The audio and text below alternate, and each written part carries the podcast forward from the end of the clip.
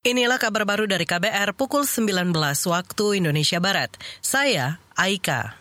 Kementerian Kesehatan meminta semua pihak meningkatkan kewaspadaan terhadap peningkatan kasus pneumonia misterius yang menyerang anak-anak di Tiongkok. Direktur Pencegahan dan Pengendalian Penyakit di Kementerian Kesehatan, Imran Pambudi mengatakan, Kemenkes telah meminta kantor kesehatan pelabuhan untuk memantau perkembangan kasus dan negara terjangkit di tingkat global.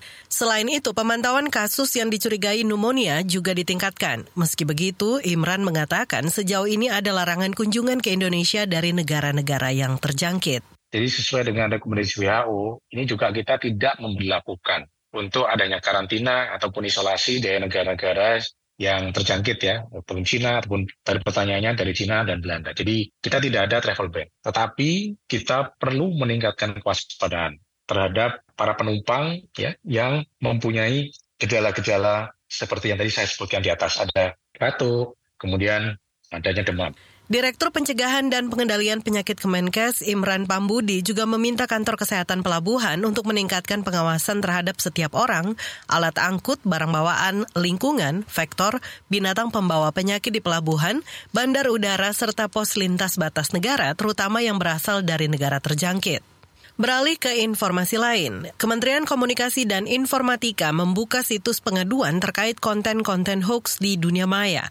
Menteri Komunikasi dan Informatika Budi Aristiadi mengatakan, situs aduan ini bisa diakses semua pihak.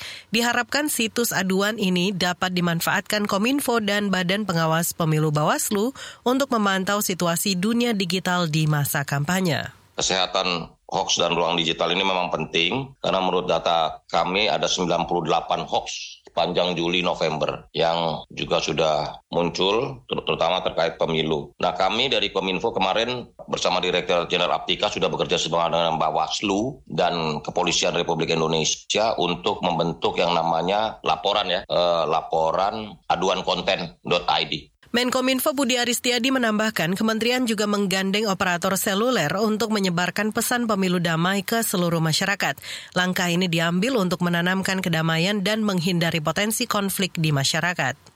Kita ke mancanegara. Organisasi Kesehatan Dunia WHO menyebut penyakit bisa jadi ancaman serius bagi warga yang berada di jalur Gaza Palestina.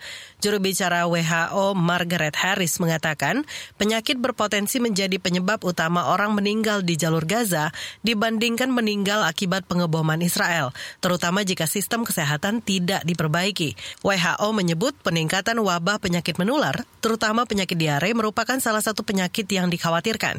Minimnya akses air bersih dan makanan juga memperparah kondisi tersebut. Inilah kabar baru dari KBR pukul 19 waktu Indonesia Barat. Saya Aika.